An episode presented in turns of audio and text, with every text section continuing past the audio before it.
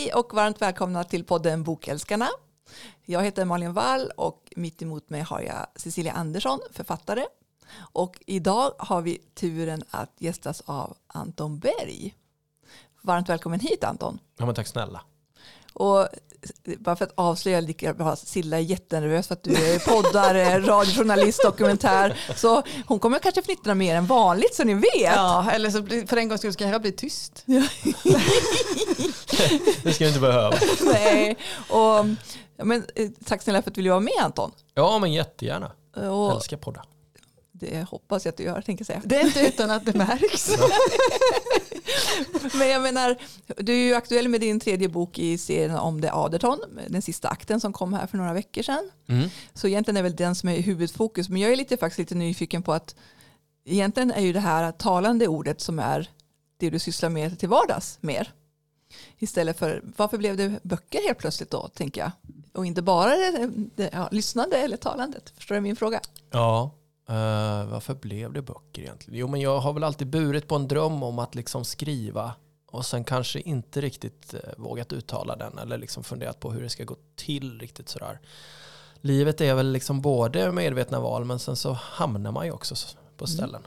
Mm. Ehm, och det liksom drog mig åt radiohållet som blev poddhållet.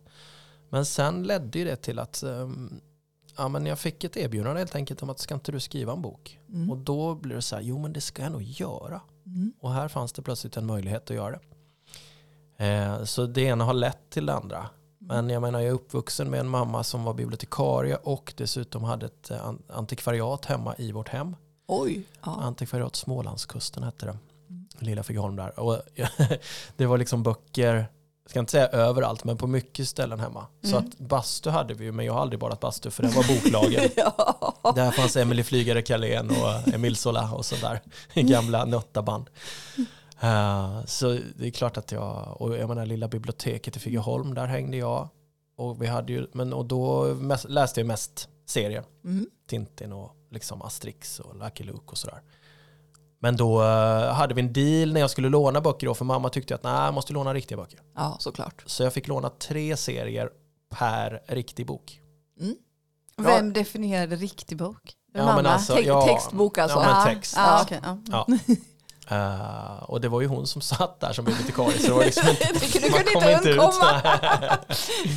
Men det är jag glad för idag. Ja, men, ja, men vad härligt att höra. Jag gillar också serier jättemycket och jag är också uppvuxen med serier så. Mm. Eh, man- Jag läste också, alltså, ja, man fick ju inte tag i heller serier för det var ju så jäkla dyrt en del. Ja, jag Asterix kommer ihåg ju och- ibland, min bror själv var äldre och flyttade till Stockholm så när man åkte upp till honom så kunde man gå till Gamla stan och serieboden fanns det ju där. Mm. Och han hatade att gå in där för, han, för det luktade mögel. Men jag, alltså liksom, shit, alltså de här Kalankas pocket. Ja. Och jag samlade på dem och då kunde man ju hitta de där man saknade, det fanns där inne. För visst var de numrerade? Ja, Ja, och det är de fortfarande. Ja. Ja. ja.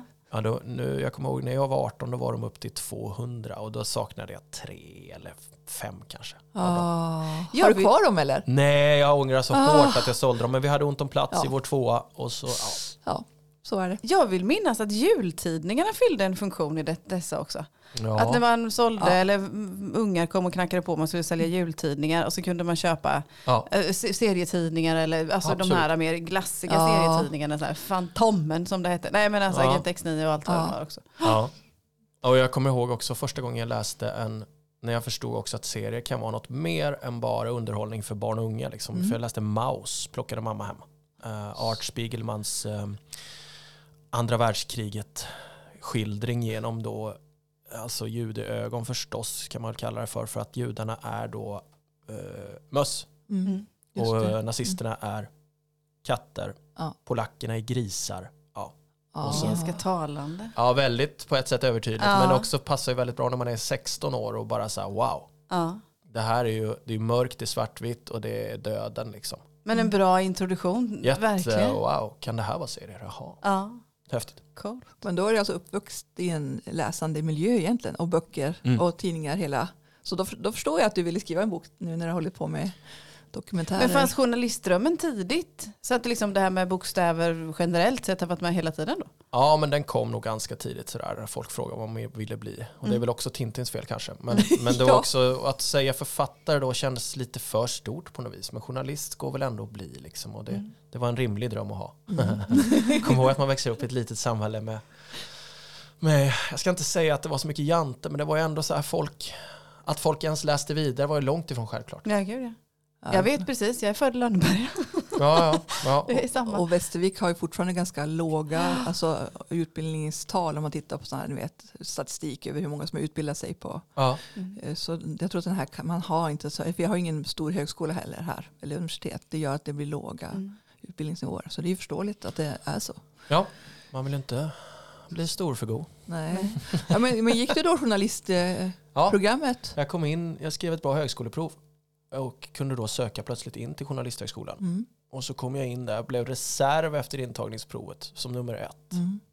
Och sen blev det, eh, ja, slank jag in där till slut. Mm. Så sen, och, så, och det var då jag kom i kontakt med egentligen studentradion. Mm. och började göra radio och blev helt förälskad i det. För då kunde jag äntligen använda mitt prat. Men det är ju roligt, jag håller med. Alltså, det är roligt att vara med i radio och, och prata så här också. Ja, och där kunde man ju då, det hade väl liksom direktsändningar Ja. som gick ut över Göteborgs närradio. Liksom. Så att nå, då var vi ett gäng som började sända där och kunde man inte vara med kunde man sitta i sitt studentrum och dra igång en radio och faktiskt höra de andra 800 meter bort. Ja, Som på riktigt liksom. Ja, Så vi hade väl kanske fem lyssnare men det var ju ändå på riktigt. ja, ja. ja, ja, ja. Man kunde testa att ta intron och sätta dem på riktigt. Liksom. Det räcker att det är liksom fem rätt också så, kvitt, så blir det bra spridning sen. Ja, ja, ja. Och så kunde vi prata om det dagen efter också. Ja. Lyssnade du igår? Ja, det var snyggt när du gjorde den där grejen. Ja, men då är, och då är det ju... Ja. Har du samma känsla nu med böckerna? Kan det på, förstår du, jag menar, det kan vara just att någon som har läst din bok har du läst och liksom att man kan få den känslan också? ja, tack vare sociala medier är det ju så. Ja, Att folk hör av sig. få den här direkta. Ja, Ja, jag, jag tycker att det är helt fantastiskt. coolt. Men vad heter för du pratar om det när du, att du blev författare och började skriva var för att du fick en fråga. Vad kom först? Hönan eller? Kom frågan först eller hade, fanns det en bokidé redan innan att om ett fall någon gång så skulle jag vilja skriva om eller föddes den utifrån frågan? Ja, det är ju frågan vad som, alltså hur diffus min idé var där egentligen. Men den tvingades ju av frågan i alla fall att bli något. Ja. Ja, just det. Ja, så något frö måste, fanns innan. grodd. Eftersom du tvekar på frågan så gissar jag att det fanns ett frö i alla fall. Jo, men sen om det skulle bli en bok eller inte. Ja. Men, men jag har jag har umgåtts med liksom, alltså när jag har suttit och gjort massa research då till P3 Dokumentär och sen Mm. spår så, så har jag suttit i tv-arkivet och radioarkivet och liksom jag räknade ut att jag, jag måste ha tittat över 3000 timmar svensk, svenska nyhetssändningar då. Aktuellt, Rapport, TV4 men också ekosändningar. Lyssnat och sådär. Och då förr när man när vi gjorde de första P3-dokumentärerna 2006, 2007, där, 2008 då behövde man liksom gå ner till tv-arkivet och så ville man ha rapportsändningen från 19 maj, 19 maj 1985. Mm. Ha, då får man liksom hela, då fick man en VHS-kassett och så gå och sätta sig i ett utrymme och titta på den där då. Och så fick man spola fram då för då fick man hela den tv-kvällen. Ja, just det. Så då fick man liksom så här, ja då började den kanske 17.00 och så titta finska nyheterna, spola förbi. Sen var det Björnes magasin, spola förbi det och så komma till MacGyver och sen så vidare liksom. Eh, och då, då får man ju massa extra information. Och ibland fastnar man framför, va? Har vi haft ett program på riktigt som hette Lagt kort ligger? Ja, just det. Va, med studiovärdinnor vars enda uppgift är att i högklackat och paljettbaddräkt eh, vända på jättestora spelkort. Var det inte där Agneta Sjödin var med eller? Möjligen, jag vet inte men det är helt Det- sjukt idag ja. för det skulle aldrig hända i SVT idag. Nej. Jo, Eh, ja. Speedwaybanor finns det också kvar tror jag. Ja. men det, så att då har jag ju sett massa ex, alltså hitta rätt det där. Nu ska jag ju se det här liksom om löntagarfonderna, tre minuter där Kjell-Olof Feldt säger något, gör den här lappen liksom, men om vi baxat dem ända hit. Men på vägen dit får man ju massa extra information. Men fastnar man inte i MacGyver Jo, då? jo, jo, Jag ser mig jag såg ett helt aktivt ligger en gång och bara vann. Och då vann de bilen också, en Toyota liksom, wow. Jo, men så den där eftermiddagen gick jag, jag kollade på MacGyver. Nej men det går nej, det händer ju Ja. ibland. Att man liksom, nej jag vet. Men, eh, men, men men, då- men, då fick jag massa information och då bli- blir det också så här, ja men då dyker människor upp, vänta den där åklagaren var ju med i Palmeutredningen men nu är samma åklagare med här med Bekas eller med, med den här grejen med Fermenta, vänta här nu. Ja. Så jag började samla på de där grejerna, jag snackade med de andra, Fredrik och Kristoffer, har du honom med i din story? Var han med där? Ja visst. Och då började jag fundera på, vänta nu, det, det känns som att det finns en liksom tänk om det är en större konspiration bakom som Mm. tillsätter exakt sina personer hela tiden. Så är det ju inte förstås, utan förr var det ju väldigt så att om kom du högt upp inom socialdemokratin då fick du automatiskt mycket att säga till om och då hamnade du liksom i många av de här Mm. sakerna som sen blev affärer eller politiska skandaler. Men eh, en roligare idé hade ju varit om det fanns någon där bakom som styrde. Så att den där, jag började liksom samla på de här sakerna och så fort jag, det dök upp bekanta namn så skrev jag ner liksom. Och sen när den här bokidén kom så tänkte jag, eller förfrågan kom, då tänkte jag men det, där, det kan nog passa bra som en Mm. bok. Ja, för det skriver du ju i förordet i den här också, den sista akten. Mm. Något så här, vad är typ riktigt och vad är inte riktigt. Så det är en bra slutkläm på förordet. Ja, men det är, jag men det är precis som jag skrev. Jag Ja. vet inte om jag skrev det, men alltså det jag kände var ju att ibland när jag skrivit den här serien så, så har jag tänkt att fiktion, okej, nu kan man verkligen ta ut svängarna här. Ja. Och det har jag gjort mer och mer, ivrigt påhejad av mitt härliga förlag som tycker att släpp journalistsargen, kör nu, berätta bara. Ja, Ja, och så har jag tänkt att ja, men då gör jag väl det då till slut. Och sen har jag tänkt att ja, men det är ju lite väl liksom bestämma att det sitter 18 edsvunna män och styr och har gjort det sedan 1700-talet. ja. Sen kommer då den här tyske Ja, mannen, prinsen, adelsmannen, mm. Reichsbürgerrörelsen och allting och bara hold my beer. Tycker du att det där är att ta i? Här ska du få se. Så att eh, verkligheten kommer alltid överträffa dik- dikten, det är väl så. ja, det är det alla säger också. Mm. Ja, men jag, jag vill nog också tolka det om att, vad heter det, i, i och med ditt eh, bakgrundsarbete, långa bakgrundsarbete egentligen då, i och med alla de här inspelen, de alla de här mm, avsnitten som du har sett, eller på att säga MacGyver, men ja, från rapportsändningar och som du har noterat ner, att man också fångar samtiden på något vis. Att man fångar dem i en tratt. Som då i, i, hos dig blir en story, men samtidigt så det är ju en samtid du fångar. Därför liksom också planer, landade in ganska väl där vi är och där vi lever nu. Det kan ju vi tycka som läsare ibland att hur sjutton kan den här författaren veta det här när det har ju inte ens hänt när ni har skrivit. Men att det faktiskt händer på där då till det. exempel när boken har kommit ut på så vis då. Men Ja. mycket av alltså bra research och grundlig research och mycket tankar bakom leder också till att man faktiskt fångar samtiden och sen råkar det sammanfalla ganska bra tidsmässigt. Eller otäckt tycker jag ibland när man läser. Väldigt otäckt. Oftast är det ju tunga frågor. Som- det är det ju som, som du skriver om. Då. Jag tänker som Ken Follett, Aldrig. Mm. Har ni läst den? Nej. Nej. Den är ju riktigt otäck, den är ju riktigt tjock och handlar ju om, om en världskrig egentligen. Mm. Och hur små saker kan leda dit. Ja. Alltså, den är oerhört bra. Alltså, Oerhört bra, välskriven. Mm. Nagelbitare, man kan Jaha. inte sluta läsa den. Den är ju så här tjock, 800 sidor. Men den är så här, man bara, men den är också lyck han lyckas ju också fånga Ja. det här aktuella och eh, obehagliga tiden vi befinner oss i. Precis innan den kom dessutom. så att, Ah, det, det är snyggt. ja, det är, Det är snyggt. snyggt. Mm. Så att det är ju, ja, mm, men det är Men faktiskt- det är mer cred tror jag till er. Ja. Som, som, alltså på något vis ändå när vad, ni kanske vill ta emot. Att det är, liksom, att det är tillfälligheter. Men jag tror också mycket att det är researchen. Att det är mycket arbetet man, man krattar för det här. Även fast man kanske inte tänker på det på vägen. Jo men det är mycket, såklart mycket tankemöda bakom liksom. Hur kan man, även om det här är en eh, knasig story på ett sätt så får den ju ändå kännas, den får ju aldrig kännas som att det inte hänger ihop. Det måste ju finnas en inre logik i, i den här världen. mm. Även om jag målar upp en värld som kanske är inte riktigt.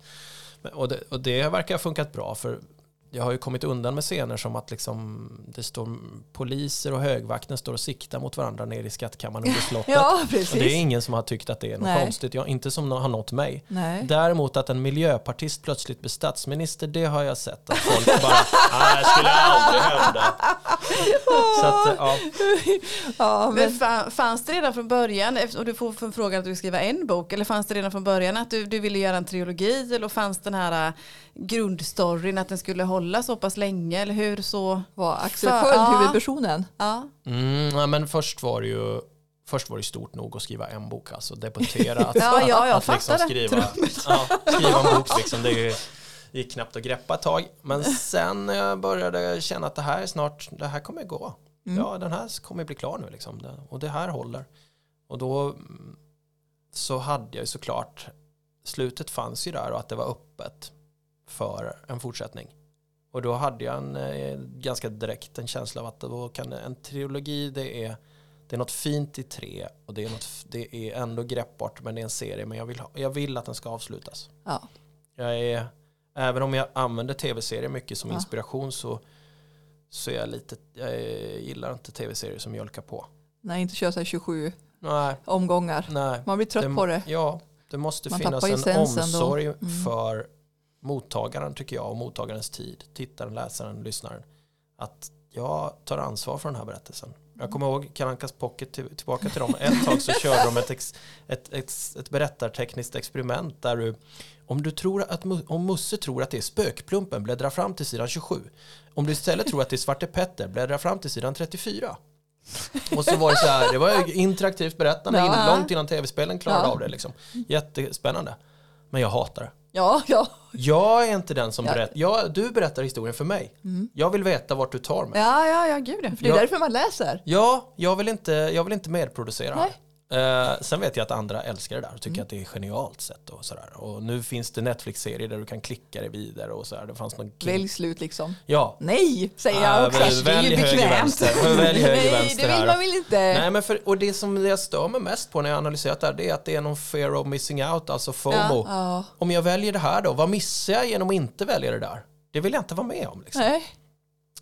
Så när författare berättar om, egentligen tänkte jag att berättelsen skulle... Nej, berätta inte det för mig. Nej, jag nej. vill att du ska ha haft en plan från början Ja. och exakt så här bra blev Ja, det. ja precis. precis. Så jag, när du säger visste du att det skulle bli en trilogi? Ja, jag kan säga så här, jag visste det före förlaget. Ja. Det är bra. Det är bra. Men, men det som jag tycker är så underbart också, Anton, är att jag och Silla pratade om det här häromdagen, om hela serien. Att, alltså, jag gillar det här fartfyllda, spännande, nervpirrandet och att man inte riktigt vet vad som väntar runt hörnet. Och sen brukar jag säga att jag gillar inte de här blodiga, spattiga. Utan att det, det, kanske är det här med MacGyver. Jag menar, man älskade ju MacGyver när man växte upp. Just det här äventyr, spänning. Mm. Det är det jag gillar med att den... Ja, alltså, eh, vi har ju några andra som är alltså, så långsamma. Men jag gillar det här tempot och, som och cliffhanger-kapitlerna som du lyckas med. Mm. Ska jag men säga. Vad Det- kul. Jag vet inte, jag har tänkt, jag, jag tror att man kan se en förändring i de tre böckerna. Eftersom jag ser mig fortfarande som väldigt oklar som författare. Jag är fortfarande, känner mig fortfarande som nybörjare. Liksom. Uh, inte nybörjare, men väldigt trevande fortfarande. Eller så här, håller på att lära mig mycket om yrket och så. Och, och jag tror att det kanske är mer cliffhangers i den första boken. Och att det finns ett mer så här, uttänkt driv. Men samtidigt så såg jag någon som tyckte att ah, den börjar lite segt. Var det någon som Den skrev här, idag. den sista akten. Nej, det är 18. Börjar lite segt, men sen händer det. Och jag bara, ja det kanske den gör. Men, Så nu var det ganska länge sedan du skrev den. Ja, men jag tänker att eh, i, den här, i den här boken så gör jag kanske inte lika uttalade Dan Brownska Nej, just det. eh, sådana. Ja. Men det skulle bli mycket värre. inte, inte riktigt, inte på den nivån liksom. Nej, det är så är det sant. Men det är ändå så här ett bra tempo och driv som många inte har. Man Ja, skriver, så jag tycker tack. verkligen att den är lite, jag tycker ditt författarskap är lite så outstanding på det sättet. Ja, men det, det, håller jag med, det håller jag med om. För jag själv upp- uppskattar det som läsare och eftersträvar det när jag skriver också. Mm. Att hitta det här liksom mer renare, rakare, klarare på något vis och inte sprattla iväg till höger och vänster eller 14 miljoner miljöbeskrivningar eller något sånt. Man, man vill ju skriva det som man tycker om att läsa. Eh, jag sitter och funderar på, är det din journalistiska sida som gör att det, liksom, det blir renare på något vis? Förstår du vad jag menar då? Mm. Nej, det är min redaktör. Men får, du, Ja, ja, men nej, om vi men så säger är så det här, väl. får du kapa mer än, du lägga, än vad du lägger till? Om vi säger så då? Ja, så är det väl.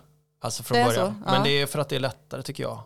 Och, och, lättare att visa att så här vill jag berätta, kan vi yxa något från det? Än Ja. att säga att här saknas det saker. Jag tycker att det är skönare i redigeringsfasen att få yxa ner än att få Ja men det skulle behövas tre kapitel till, då får jag läsa nej. Åh vad jobbigt.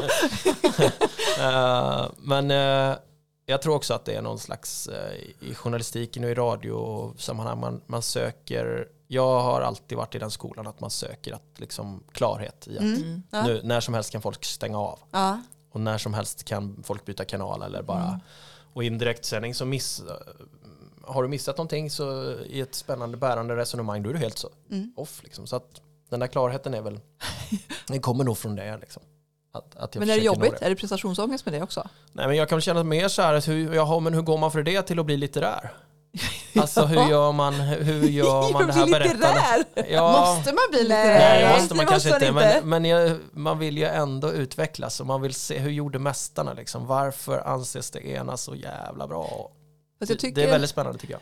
Men jag tänker som till exempel Anders de Lamotte och Arne Dahl brukar ofta säga att de vill skriva en ny bok varje gång. Så det är deras utmaning för sig Mm. själva. Ja. Så det är kanske något att ta efter att verkligen så här, den- i den här boken vill jag lära mig mer om det här Mm. skriven sättet eller så, för att man måste skriva nya, man kan inte skriva samma.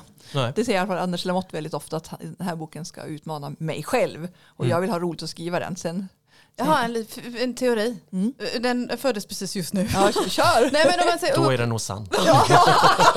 det tror jag inte. Det Men här kan bli bra. spontana- Lyssna nu, det här kan bli bra. Pass på.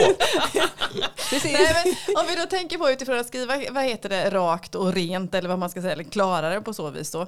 Eh, dels du, jag upplever att till exempel Malin Thunberg Sjunke gör detsamma. Jag upplever att Anders de Lamotte gör det också. Arne Dahl vet jag inte vad han har för bakgrund, men ni är människor som har haft något annat.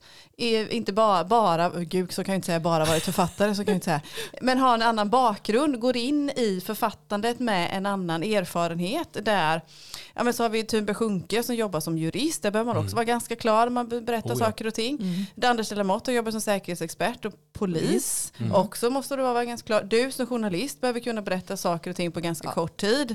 Oavsett hur bra och trevlig du än är så du får ju ändå beg- begränsad tid oavsett om det är Oh ja. radio eller vad det nu än må vara. Att man kliver Brus. in i det. Ja, precis.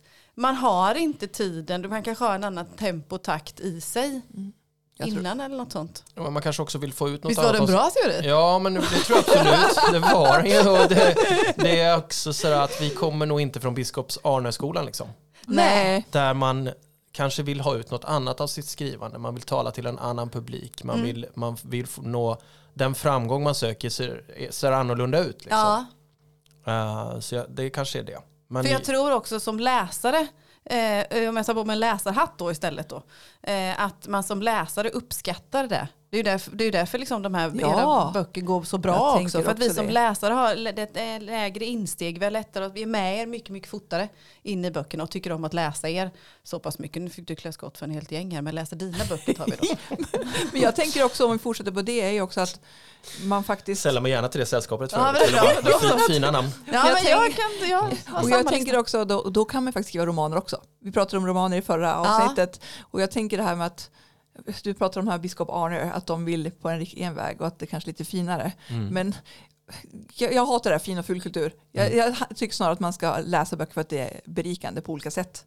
Så jag tänker att man kan lika gärna skriva en bra, du kan lika gärna skriva en bra roman i framtiden, Anton. Mm. Och du med Silla. Jag har sagt det innan, att jag tycker att man det spelar ingen, alltså, nej, ibland blir jag så här, ja, man kan skriva det bra. Jag vet inte vart jag ska komma med det här, men jo, men, och jag vill lägga, lägga till då, för jag fick ett inspel i, vad heter det, innan vi startade poddinspelningen ifrån bokhandlaren, nämligen det här att eh, deckare är ju också romaner. Eller Oh ja, när du- du får inte spänningsromaner är säga- också Nu blir Kristoffer romaner. Karlsson arg om Ja, du skulle precis. påstå att en, en, en deckare eller, eller en spänningsroman Allt inte... är, allt Du får, en- inte, du får inte säga att det här inte är romaner. Nej. Jag skiter i det, men Kristoffer skulle säga åt mig att inte skita i det. Så nu, nu plötsligt gör jag inte det. Då.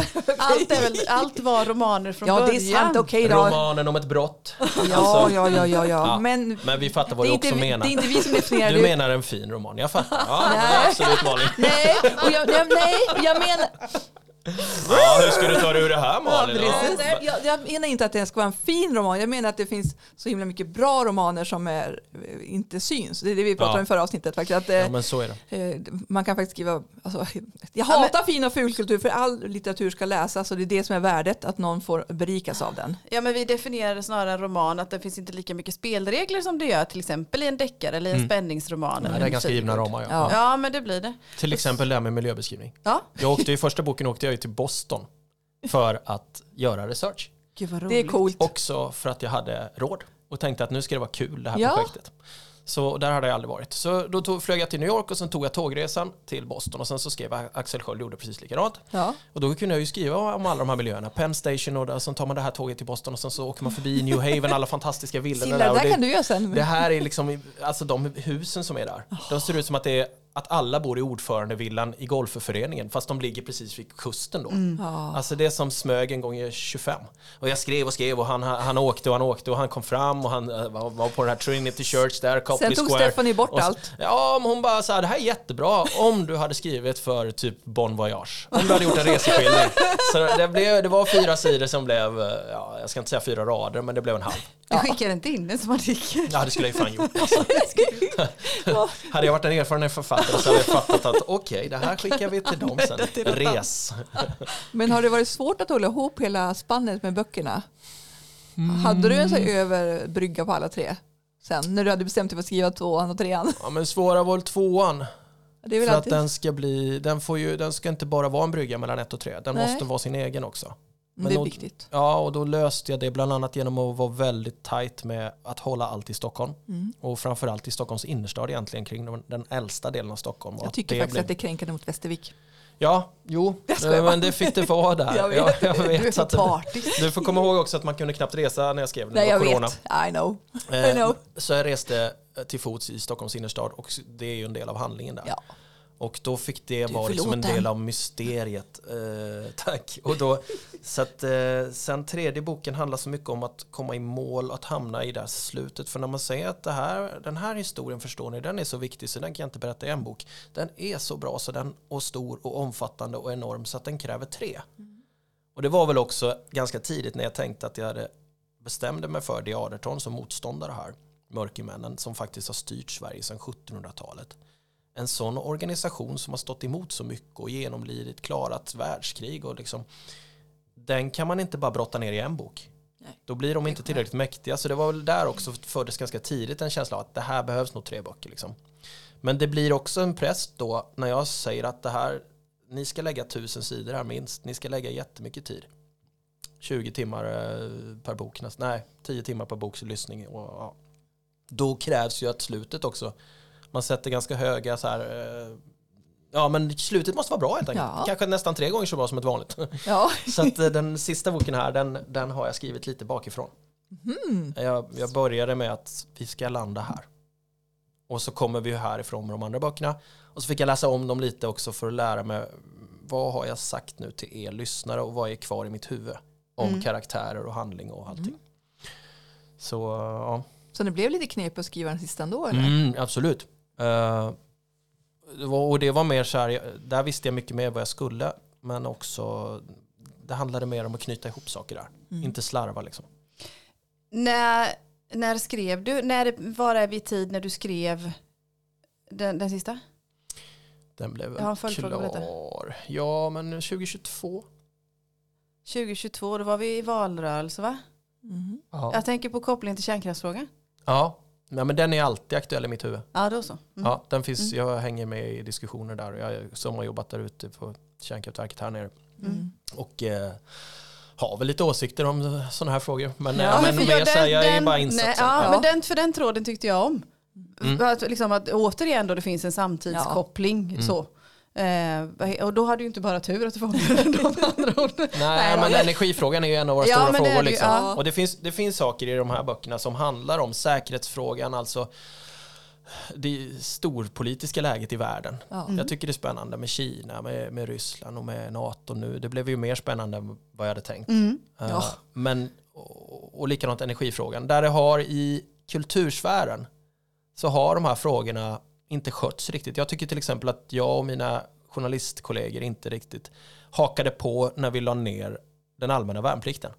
Den lades ner utan en rimlig diskussion för det är en sån stor grej i vårt samhälle. Att man inte, inte bara för att man ska lära sig att kriga eller så, men, men för att det är en plikt och att när jag gjorde lumpen så plötsligt så tvingades jag samarbeta med människor jag aldrig träffat innan. Och att det också bygger så här samhällskontrakt att ja, men du är en medborgare, du har rättigheter men du har också skyldigheter. Vi måste till exempel försvara vårt land. Och så lägger man ner en sån grej. Och bara som ett liten inflik just nu, jag tror det var igår när vi, när vi, spelade, när vi spelade in det här, så bara någon dag innan, så pågår det nu en diskussion om att man, för vad heter försvaret är ju också en arbetsplats eh, på så vis. Och här saknar man idag folk. För bland annat för att man inte har fyllt på under det här glappet som värnplikten har. Samma sak med kärnkraft. Det är ingen som har utbildat sig Nej, till kärnkraftstekniker på och det är inte så konstigt. Men, så Oavsett tycker, vad man tycker liksom moraliskt eller Ja. liksom vad man har för inställning. Ja. Så det är en arbetsplats Ja. där man vad heter det, saknar just nu kompetens för att det finns ett glapp i att man slutade kalla in. Och de här som, man, som hade kallats in kanske har försvunnit ut och inte liksom finns någon Mm. ledarskap på så vis. Nej, men så blir det och i de här frågorna och där kulturen är duktiga på de mjuka frågorna så tycker jag ibland att man missar det här. Ja men hörni, vi, vi måste faktiskt försvara vårt land och vi måste faktiskt också se till att vi har ström. Ja. Ja det är jätte... Det, det, ja, två viktiga frågor. Ja, men och de är så här, då är det roligare att prata om, eh, jag vet inte vad, liksom, vad som alltid dyker upp där. Det är om manligt och kvinnligt, Mello. liksom, ja, eller Melodifestivalen. eller, Nej, men jag menar, alltså, det är sant, det är liksom, Ja. för det är som du säger, det var inte stor debatt när det la ner värnplikten. nej, Men och nu det när tycker var, jag var... Det var jättemärkligt, helt plötsligt bara la man ner regemente efter Mm. regemente över jag hela Sverige. inte det. Nej. Och jag gillar inte att de där frågorna som, som har en liksom lite mer manlig karaktär oftast i kultursammanhang så liksom skjuts de undan lite Ja. eller skuffas undan. Och det där, jag, jag försöker få med sådana böcker utan att skriva grabbiga böcker. Mm. Jag vill liksom att eh, både kantiga och mjuka värden ska kunna samsas i det här. För att det är då det blir spännande. För när de här målkonflikterna dyker upp, då är det ju, det, det är då, det är då saker händer. Mm. Alltså att, att folk vill olika Ja. och att alla är rimliga i det. Ja. Det är inte orimligt att känna att ja, men på en arbetsplats det är klart det ska vara lika många män som kvinnor och de ska tjäna lika mycket. Det är inte orimligt. Ehm, om det då hamnar i ett problem med att ja, fast, fast nu har vi lagt ner. Ah, ah, Ja, ah, ja, ah, jag fattar. Jag Ja, fattar. jag sticker Jag fattar. lite, Ja, det är jag Nej, men det är kul. just, för jag menar som gemene man eller som gemene läsare, jag återkommer ofta till det, liksom, så tycker vi, vi tycker att det är lite jobbigt att vi tar de här frågorna så duckar vi gärna Mm. mot värnplikten eller kärnkraftsfrågan. Eller Vi går och lägger en röst ex- var, Ja. var tredje, Mm. fjärde år och sådär. Eller vi tycker någonting om vi tvingas tycka någonting. Men i vardagen så gör vi inte det. Och är det ingen då som tar ansvaret åt oss, nu där heter det att eh, lyfter frågan, till exempel Mm. via journalistvägen Ja. eller via författare eller via de här äh, områdena, medierna vi rör oss i till vardagen, så då är det lätt att ducka. Vi kommer inte dra dem. Ja, men motsvarande är ju David med i böckerna då som är alltså funktions funktionsnedsatt, funktionshindrad, eh, intellektuellt funktions... Alla älskar ju David. Ja, jag har märkt det och det, är- det är jättehärligt alltså. ja, Det, jag tänker också det. Det det är, är jätteroligt och han bygger till stor del på vår egen son Wilmer där, men, men också på många andra barn som vi har träffat i funkisvärlden och som Alltså han, eh, det var ju också en sån här sak, egentligen är inte det, nu låter det som att jag har haft något stort manifest när jag skrivit mina böcker, men egentligen har jag bara Nej. skrivit böcker som jag själv vill läsa. Ja, Det ska vara underhållande. och det är liksom. det som är det bästa tänker jag. Det är det man ska skriva. Ja, jag tror att man det kommer måste, vi märka, man det måste märker ju vi läsare. Ja. Ja, eller hur? Ja men det är smittar liksom att man gör det. Det är därför vi gillar dina Nej, men böcker jag, jag, Du hoppas ju skriver med att, hjärtat. jag hoppas att David får en egen tråd så småningom. ja, kanske. Mm. Men, han, men där blev det också så att där kände jag att jag kunde, istället för att skriva en uppfostrande pamflett om hur funkisvärlden borde vara, Ja. så tänker jag att jag kan nå folk genom att berätta att så här är det och det här är ett problem. Och så här är det faktiskt i den här världen och det här är tufft för inte minst ensamstående morsor som hans Stina där. Eh, Och då kan man nå människor som man inte nått annars med en duktig bok eller med en Mm. duktig liksom, uppfordrande Jag tänker det här är det bästa sättet att göra det. Som Ja. till exempel Roslund Hellström gjorde för många år sedan när de startade med sin box 21 och allt det. Just de det. skriver om våld och Ja, men Katarina. Wenstam som gör som Ja. är liksom Mm. Simon Häggström. Och, ja. Så att Ja. jag tänker att det är jättebra sätt att skriva om det. Ja, och utan att skriva på näsan på något Mm. vis. Jag, för jag, jag tror att det är någon del där liksom, eh, Axel funderar på hur han ska berätta någonting och det gäller att han ska vara så rak som möjligt. Eller Mm. också så när han pratar med David. Alltså bara den gestaltningen, får, det begriper ju till och med jag. Alltså hur, hur det hänger ihop. Ja, men alltså, Yes! Då fick jag med alla. Men, men jag tänker, eller inte. Nej men det är ju, har man inte kommit i kontakt med, nu har jag haft förmånen haft det, men Ja. har man inte haft kontakt med någon människa som är funktionsnedsatt eller varit inne och jobbat i den världen eller någonting Nej. sånt, då har man inte Nej. den kunskapen. Ja, då Det är är det en bubbla jättegött. liksom. Ja, som, men det är det. Och som då många kan- inte når. Få den via en bra bok, det är jättegött så att säga då. men nu, Anton har jag en svår fråga här då. Eftersom vi pratar om David också. Mm. Att, du sa ju precis att den här är ju nu avslutad om Axel Sköld. Eller eh, troligtvis. Eftersom du inte gillar heller när man påbörjar nya. Men då måste du få in, som Silla säger, hur ska David komma med sen? Han ska ju ha en egen ungdomsbok. Ja, men, och du, Har du någon jag idé vill om inte, ja, men Jag vill inte spoila och Nej. du har inte läst slutet heller. Nej. Men när jag säger att den är avslutad så kan, jag, kan man kanske förtydliga med att kampen mellan Axel Sköld och De Aderton Ja. är avslutad. Det blir bra. Och så kan man Men sen, bam, jag, bam, fast jag håller ju också med som du sa innan att jag gillar inte heller när det blir så 18 säsonger av någonting. För, det är, alltså, för till slut blir det urvattnat hur man än gör. Ja. Därför är det spännande att kanske göra någon parallell värld med andra. Mm. Alltså det, det, Det är lite roligt när det folk tycker gör jag faktiskt Ja. är ganska roligt och är väldigt givande. Både för Mm. läsaren eller alltså för, och dig också ska jag kunna tro.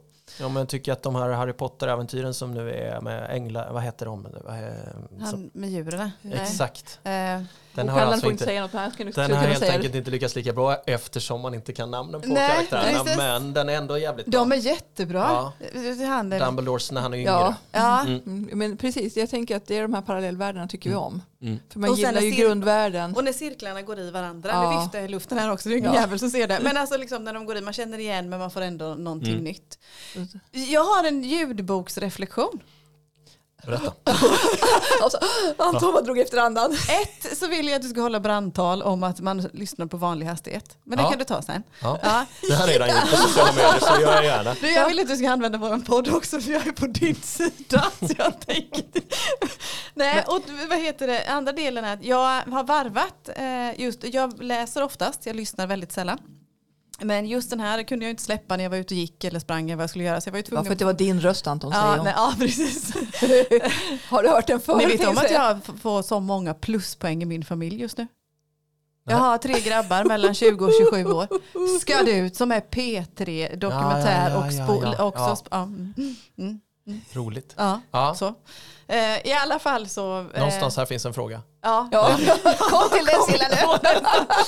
ja, vad heter det? Läser hellre böcker. Men sen så skulle jag vilja ut och röra på mig eller göra någonting sånt. Så då växlade jag över till att lyssna. Eh, och då lyssna, för det är du själv som läser in den. Ja. hittade en, en lättsammare ton än vad jag hade fått fram i vad heter det, läsningen. Vilket var I din jä- hjärna? I min hjärna ja. ja Mhm. Vilken var jätteskönt. Jaha. Så. Ja. Ja. ja, men det där är intressant. ja, visst är det. Det tyckte ju faktiskt jag också. att när jag läste så fick jag liksom, då tror jag att jag tog fasta mycket på de här tyngre frågorna som vi varit inne och diskuterat. Ja. Eh, Jag tror jag kanske köpte de här Dom Arderton för mycket då eller något. Jag vet inte riktigt. Men sen i din ton när du läser så finns det ett lättsamma. Jag vet Han inte ser om det här är bekymrad ut här, medvetet. eftersom det inte är tv så Ah, ser du. han undrar hur han ska hjälpa mig att trassla mig ur det här just nu. Nej, jag funderar på det. Jag har inte tänkt på det själv.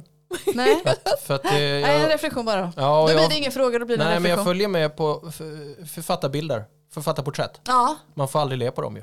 Man ska alltid se det är så så det satans allvarlig ut. Jaha, så här. Ja. Lite seriös. Och det här tror jag det här är intressant för att det du nämner där då, då borde jag kanske läst mer. Nej, nej.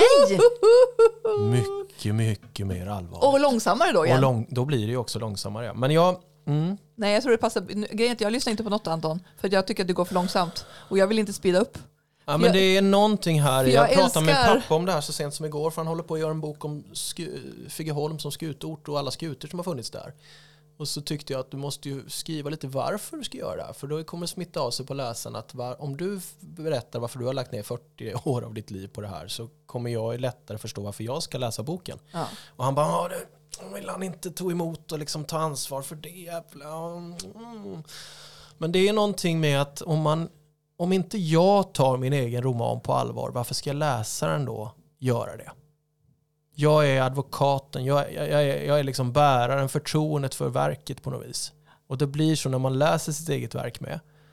Och om jag då plötsligt ler på författarbilden, ler när jag läser in boken, att det finns ett lite mer liksom glädje i det, förtar det då liksom allvaret i verket? Nej, Ja, du menar ju nej, Nej, där och det är jättebra. nej. Nej, det är skönt att höra för nej. jag Ja. har ju läst den som jag tycker att man ska, så Ja, här precis. låter den i mitt huvud. Nej men liksom. jag tyckte om det. Jag tyckte om det. Och, och liksom, vad heter det? Jag har ju lärt mig nu då att jag, din, dina kommande böcker, för jag, det hoppas jag ju verkligen att det blir ett, ett helt gäng till nu Ja, då. tack snälla. Ja, att jag ska verkligen varva så att jag får din ton också. För jag är heller inte van ljudbokslyssnare men jag tror inte liksom att jag har blivit... Ja, men det är någonting med P3 där som har gjort någonting med mig. För att jag var, pratade inför DI-elever så här, alltså mm, det het, Dramatiska institutet, det heter inte det längre, men då föreläste jag. Dagens industri. Jag trodde också Dagens Industri Dramatiska institutet, det är, där lär man sig radio på allvar. Jaha. Man ska hitta sin inre röst och gärna viska när man pratar.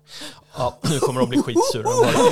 Men, men alltså, jag, och jag kom från Och jag ska P3 inte där vi liksom, nej, men P3 där har vi liksom lärt oss att säg bara som det är, rakt upp och ner, enkelt Mm. som när du berättar för din polare. Liksom. Och då gjorde vi ju P3-dokumentärerna på det sättet också, så vi berättar om Fast det är ganska... därför folk älskar dem. Ja, kanske. Men, och, och att, att man liksom inte håller på man berättar som det är och man använder sig i och för sig då av dramatisk musik och grejer i bakgrunden. Men, men Det är ganska eh, straightforward. Mm. Så här, berätta bara. Håll inte på. Och då, det ligger kanske i det liksom. För, för när jag var där så tyckte de, ah, alltså så fort som du berättar i P3-dokumentären om, fan var det, jo men det var, vad heter Bert Karlsson och Jan Wachtmeister, Ny Demokrati. Mm. Ja. Alltså, eh, och då var det så här någon som tyckte att det är wow, kan man berätta så fort? Och jag bara, går så fort egentligen? Men eh, ja, så det, det är någon, jag tror jag är danad av det liksom och att eh, man kan berätta om allvarliga saker utan att behöva vara så här. Vi landar ju in i det att det är bra om man har gjort något annat först innan man blir författare. Mm. Det är så. Det kan vara, men det finns nog en och annan författare som har Det är, som, gjort det är bra ändå. klart. Ja, så är det verkligen. Men jag är glad, jag, jag hämtar ju från den Ja, erfarenheten. Ja, Ja, det är ju... Snyggt. Ja. Ja. Vill du hålla brandtalet nu? Ja men det är klart att ni ska ju lyssna i den hastighet som jag bestämt att den, jag läser ju rätt hastighet, vad håller ni på med? Det här är min bok, den ska låta så här fort. Inte snabbare, inte långsammare. Va? Ja, men det kan ju inte bli Eller tydligare. Nej, men den här makten, att man ger den här makten till boken. lyssnaren alltså. Ja, grattis, kul, ni får bestämma, men ni bestämmer Men- fel. Kan, man inte, kan, man inte, kan inte det här vara en, inställ, alltså en teknisk inställningsfråga att min kan man inte lyssna på med den här? Alltså, Exakt, men då skulle jag i och för sig tappa lyssningar och det vill jag ju inte då. Men, Nej, spridningen är ju... men de får fel upplevelse. ja, jag, Mm. Det är därför man läser den med Mm. ögonen. Mm. Men Det- är bra i och för sig man kan lyssna om man inte kan läsa. Men jag vill att folk ska läsa. Egentligen väl göra, och så här då, gör som med Stephen King och eh, The Shining, läs både boken och se filmen. Mm. Stephen King hatar ju filmen.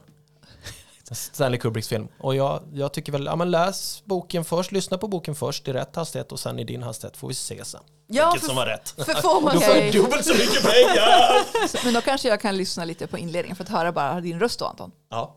Som Ja sagt, men för gör man, får man som jag liksom en helt annan upp, då blir det faktiskt nästan två olika böcker. Så det är snyggt. För jag bara lyssnat Fast jag på råkar veta böcker. vad den handlar om. Ja. Ja, Men- Bra böcker är det. det är bra böcker. Men vad inspirerar dig då? Tv-serier? Har du någon Mm. bra som tips?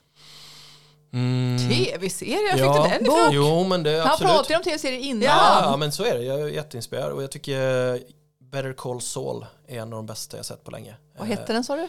Better Call Saul, det är alltså en spin-off från eh, Netflix-serien om, eh, vad heter den här drog? Och vad hette själva huvudserien? Den är knappt... Eh, Ja, Jag sitter Nej, jag, inte. Ja. Okej, ta, ta ett boktips istället. Jag Ta ett boktips. ja. Kristoffer kan- Karlsson. ja, just nu läste jag Kristoffer Karlssons nya bok. Eh, jag tyckte att hans Brinn mig en sol som kom för två år sedan var fantastisk. Mm. Och nu är han tillbaka i Halland igen. Mm. Och eh, han, han rör sig i hemtama miljöer och det märks eh, i dialogen och hur folk... Hans egen röst som berättare tycker jag är bra med för att det där pratar man mycket om. Där önskar jag nästan att jag hade haft en biskops Arne-bakgrund så jag kunde stå på mig lite mer för ibland så vill man vara den allseende berättaren. Mm. Men det anses liksom inte kosher just nu, inte inom spänningsrörelsen. Man ska vara i karaktären i olika kapitel och sådär. Ja. Men han, han har inga problem med att gå in i sådär, man sa på bygden att, sådana liksom. det är väl ingen som kör över Kristoffer tänker jag. Nej, men han har nått dit att han kan bara sätta ner foten. Så att det där tycker jag om. Och likadant Fredrik Backman håller ju på så. Jaha. Och skriver i sina Björnstad-böcker och precis att det finns någonting inom oss alla människor plötsligt. Och då är man den här allseende författaren. Och jag undrar om det inte våras för den igen. Jag läser Stefan Zweig nu.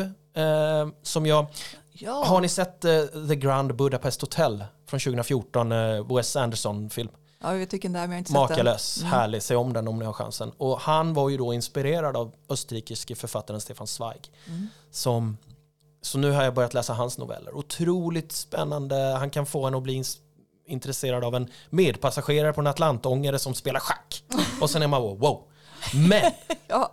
det är inte det det handlar om. Utan istället så är det han som kommer in här och så sätter han sig bredvid mig en kväll och så började han berätta. Och då är det ett jag, ett berättar-jag, som tar över storyn. Mhm. Så att det är liksom en ramstory som det var tydligen populärt på 1800 1900-talet, ja. sekelskiftet. Att man byggde en ramstory och sen fick man in själva berättelsens jag. Och så blir det lite som Robinson Crusoe, liksom, att man får det direkt från honom själv.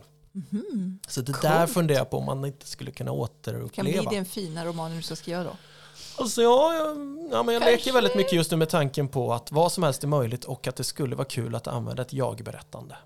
Då kan man leka ännu mer med så här den olika personan också. Att jag, det här, så här brukar jag låta i spår. Mm. Fast nu är jag i en fiktiv värld. Och liksom skapa någon form av... Mm. Ja, men nu har du ju byggt en liksom stark, snygg, stabil grund. Tänker jag, gissar jag. Då får man leka med. Jag hoppas det. Ja. Mm. Mm. Och utforska och utveckla sig ännu mer. Mm. Så tänker jag. Och Jag ser fram emot att läsa slutet. Som sagt, jag har sparat den till lite lugn och ro. Ja, men ibland, jag läser så mycket och ibland kan jag verkligen Mm. känna att den här vill jag ha när jag bara kan sätta mig ner här, ta lite godis, te och så bara, Åh. bara ja men alltså lite så, Mm. alltså det, jag menar böcker är ju det bästa jag vet, men ibland vill jag välja ut så att du kan känna dig utvald Anton. Ja, det känns jättefint. Men te, teet kommer kallna ganska fort för du kommer inte kunna lägga från dig boken Nej. för att lyfta koppen. Jag kommer inte äta något godis heller ens. Nej. Så det är ju, Kan vi på det i all evighet? Ja, det Ja. går jättebra. vi kan bjuda in det, oss till din podd sen. Ja, spår och, och jag ska se om vi hittar. Kan vi inte hitta på någonting i motorsportvärlden då? ja, men finns det, inte, det finns ju de här boktjuven som höll på där på Uppsala universitet. Det skulle kunna ha varit ett Ja, spårsäsong. ja. Alltså, så om ni hittar en riktigt bra litterär, eh, liksom, ett Vi kan, ramverk. vi kan vara med i vad som helst, säg Mm. till bara. Vi är flexibla. Uh, Okej. Ja, nej. ja, men, eh, nej, men jag tänker nu att tack snälla Anton Tack själva. för att du ville komma hit till oss idag. Ja, men eh, det var eh, ett jättenöje. Ja, och, och nöje för oss. Jag lovade ju det att snart blir det ju roligt. Ja, Ja, det står på muggen här. Ja, Ja, precis. det blev det. det blev det ju. Så, ja, Ja, jättehärligt. Stort, stort tack. Boktips, information, samtal. Ja, det, var fränt. det här var fränt. ja. tack snälla Anton och tack för alla ni som lyssnar också. Ha det bra. Tackar. Ha det Hej bra.